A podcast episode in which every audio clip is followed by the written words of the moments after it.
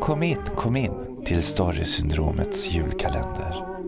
Här dyker vi ner i folktrons land och berättar sanna historier från förr.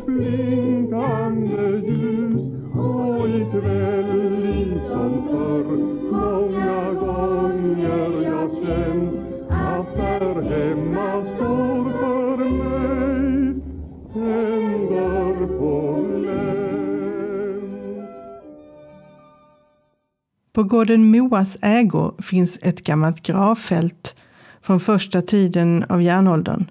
Där finns ett tjugotal bautastenar och fyra synliga gravhögar, rätt stora, och en domarring. I detta gravfält har sorgligt nog ett grustag tagits ut. Några av fornlämningarna har skadats, men det är ändå länge sedan grus togs därifrån. Öster om grustaget går utfartsvägen från Moa till landsvägen mot Veddigeås kloster.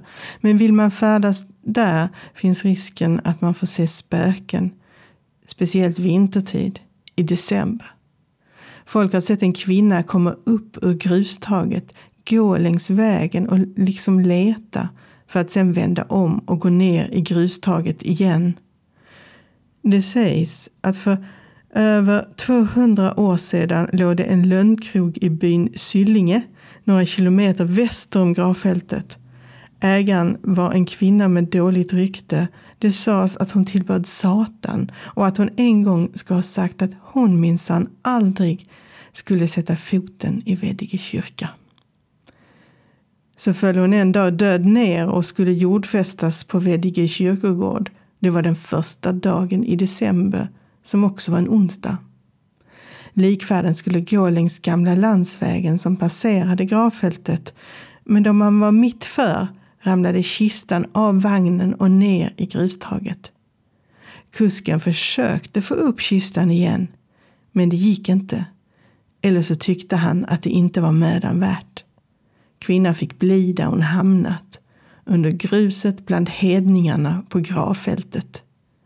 På så vis slog det in. Hon kom aldrig att sätta en fot, levande eller död, i Veddige kyrka. Istället spökar hon. När timmen slår midnatt onsdagar i december kan du se henne och då är det säkrast du stannar och väntar tyst så hon inte hittar dig. För det sägs att hon letar efter kusken för att dra ner honom i grustaget. Och det är ju så lätt att spöken tar miste på person.